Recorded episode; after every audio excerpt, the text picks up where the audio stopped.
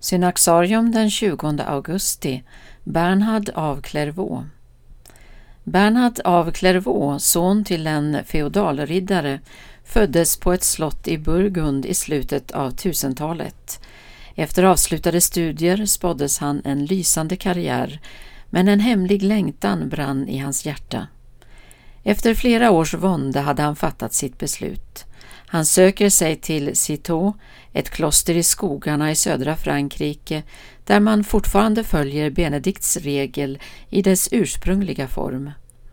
Hans övertygelse var så smittande att han fick med sig ett trettiotal av sina vänner, bland andra fyra av sina egna bröder, i det nya livsäventyret.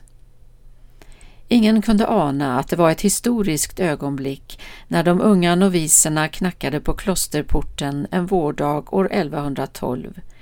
Efter tre år var klostret för trångt och Bernhard fick i uppdrag att tillsammans med några munkar grunda ett nytt kloster ett par mil norrut. I en dalsänka som får namnet Clairvaux, den ljusa dalen, bygger de under svåra umbäranden upp det kloster som kom att bli centrum för 1100-talets stora förnyelserörelse inom kristenheten. Den rörelse som nu bröt fram med Bernhard som självklar ledargestalt präglades av profetisk anda och tiotusentals unga människor drogs med i väckelsen. Förnyelsens udd var utmaningen till ett radikalt liv i Kristi efterföljd. Det märkliga var att detta kunde ske utan att den gamla kyrkan splittrades. Vid Bernhards död den 20 augusti år 1153 fanns 68 cistercienskloster runt om i Europa och efter hundra år var antalet kloster som utgått från Clairvaux 500 spridda över hela kontinenten. Det var härifrån Bernhard år 1143 sände ut en grupp munkar att missionera i Sverige.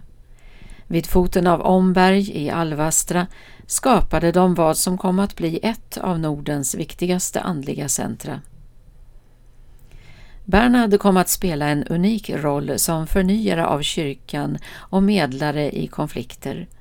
Från den värld han dragit sig undan sökte man ständigt upp honom för att få hans hjälp med vitaliseringen av klostren och reformarbetet i stiften. Präster och biskopar efterfrågade hans stöd och även bland påvarna sökte man hans vägledning.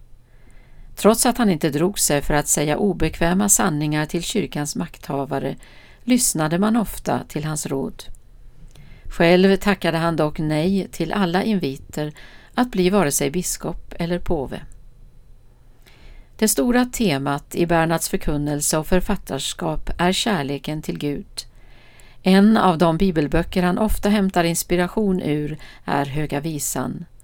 Bernhard av Clairvaux skriver Jag älskar för att älska. Kärleken är min egen belöning.